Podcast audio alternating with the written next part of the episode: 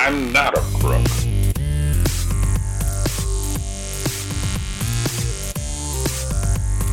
Because they are. Hello, everybody, and welcome to Presidential Deathmatch, the only show featuring me talking about presidents. Just kidding. I talk about presidents on every single show that I do and in most conversations you'd experience in real life if you uh, happen to track me down at a Kroger or at Kicking Kombucha on the weekend. You know, like you can find me and we'll talk presidents. We can even talk non presidents like senators or governors, really any of that stuff. Uh, well, I.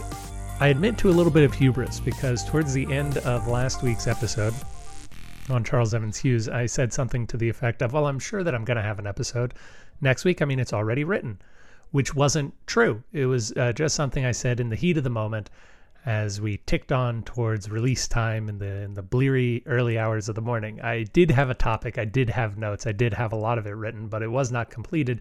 And as it happens, I got really into the topic that I'm discussing and have decided to read a lot more graduate theses on on uh, various aspects of it, most of which won't show up. Uh, I'm I'm really a lost cause in a lot of ways, but I'm reading a lot more. I'm trying to do more research, you know, just for background on it.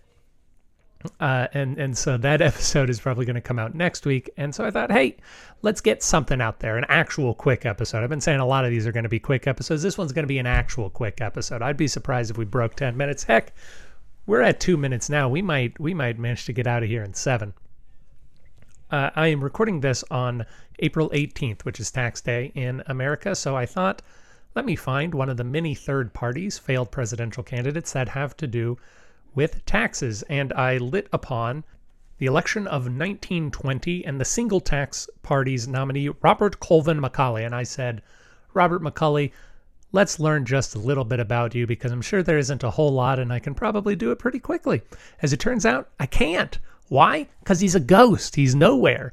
I cannot find any information at all about Mr. Robert Colvin Macauley. Uh, anywhere that he appears, his his highest rated appearance online appears to be from uh, the city of Sea Westerly, Rhode Island's blog, where they talk about the election of 1920 and how the city of Sea Westerly voted, in which one person in the county of C. Westerly voted for Mr. Robert Macauley, but I can't find anything about his biographic details.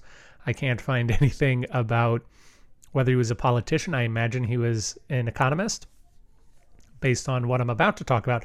So I was pretty bummed that, uh, I, I, mean, we are talking about Robert Colvin Macauley, uh, our second Ghost nominee after Zachary Taylor, of course.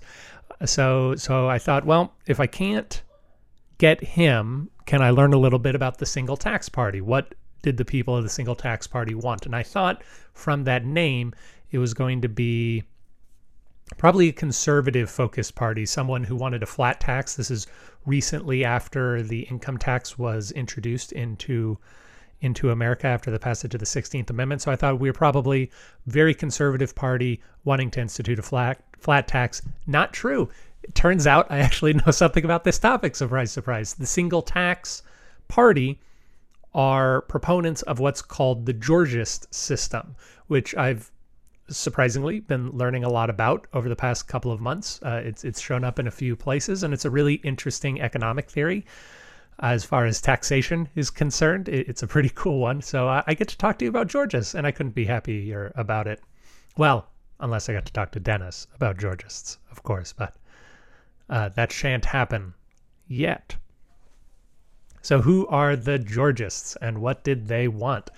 The Georgists are a group of people who are it's it's a economic theory and is a tax idea that is based on the writings of a man named Henry George and basically it states that people should not be taxed on the value that they create but that they should be taxed on the value that they extract from the community, which is to say that as uh, that the land and the natural resources from the earth, these are all public goods. We cannot own the trees, we cannot own the grass, we cannot own the land itself.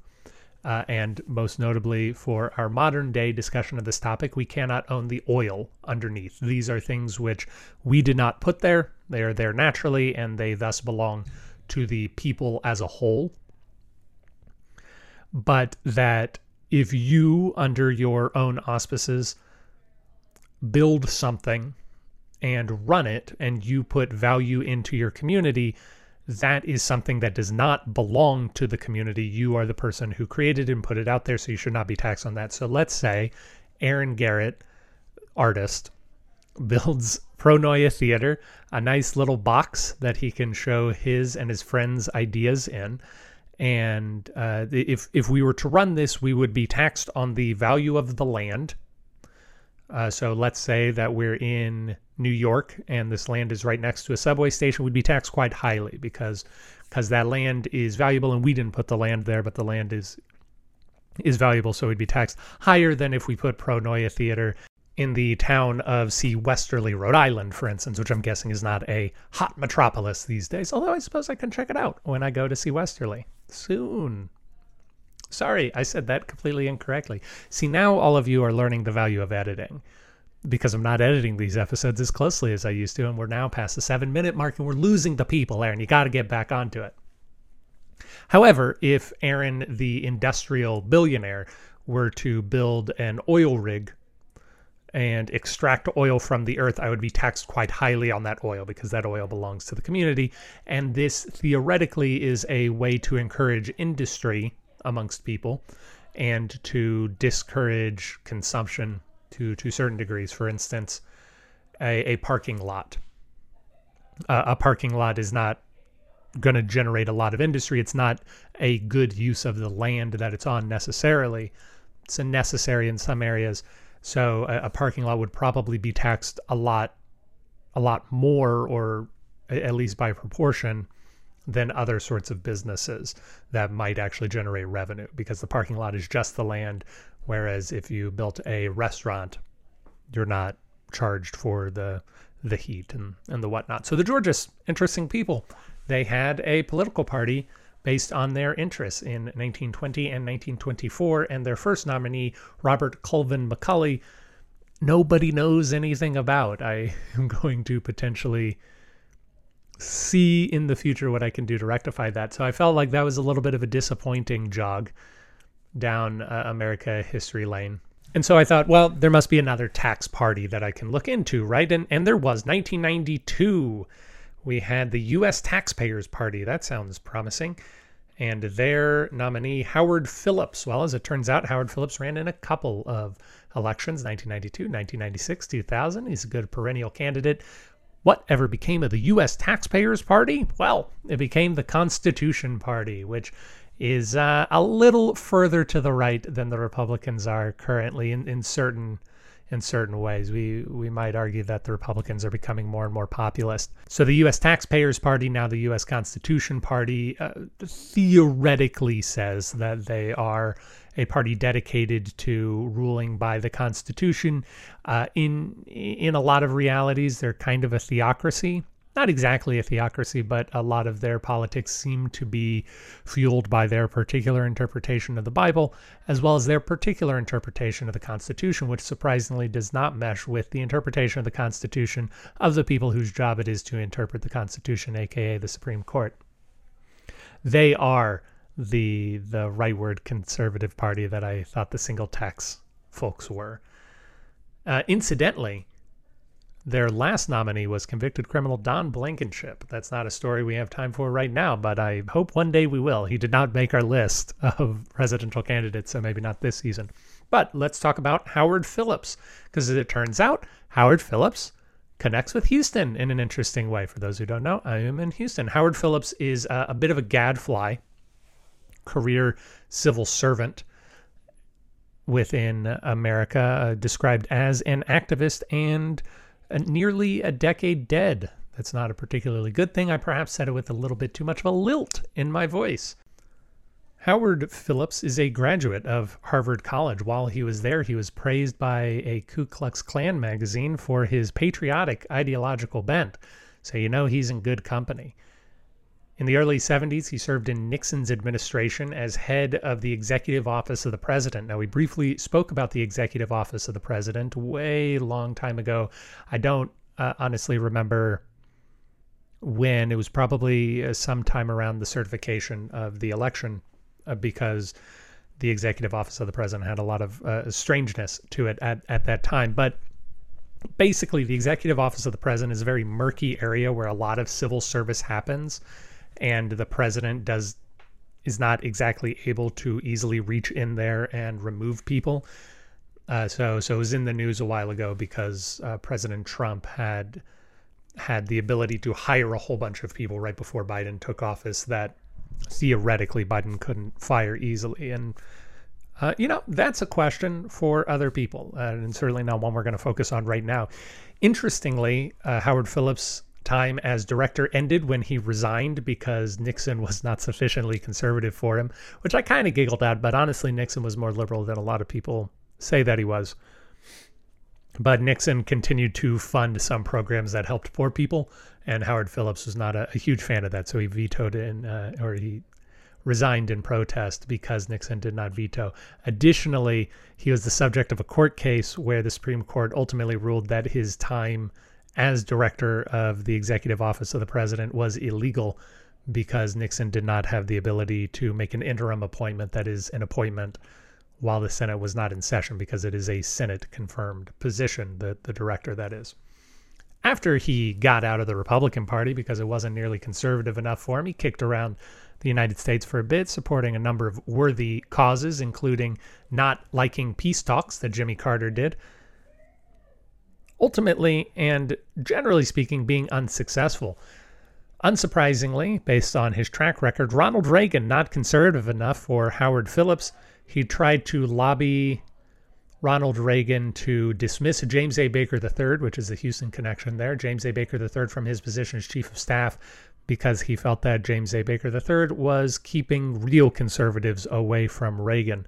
And if he was, God bless you, James still with us, as far as I know. I saw him a, a couple of years ago. He was not talking to me, though. Still very funny.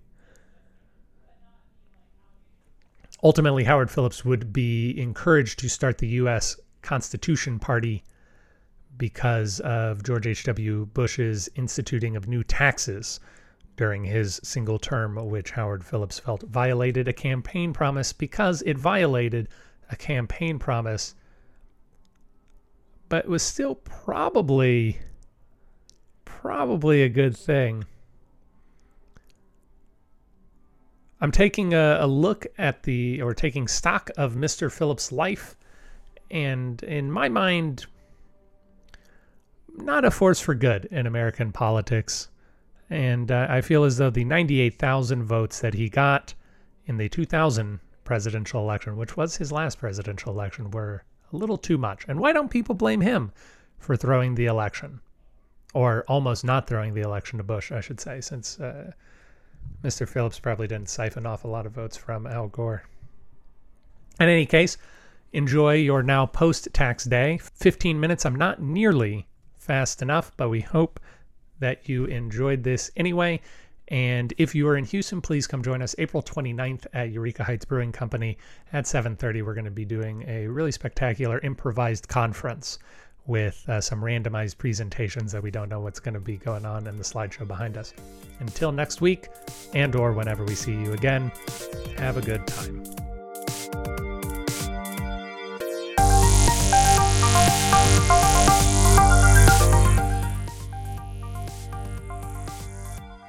Thank you for listening to Presidential Deathmatch. Presidential Deathmatch is hosted by Aaron Garrett and Dennis Buddy and edited by Aaron Garrett.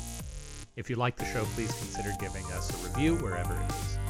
If you can do that, we'd really appreciate it. If you didn't like listening to the show, well, why don't you come on back and give us another try? We really grow on you. If you want to reach out to us, you can do that at contact at pronoiatheater.com. You can also support the show in a variety of ways, including at pronoiatheater.com slash store. We hope you enjoyed it, and we hope to hear from you soon.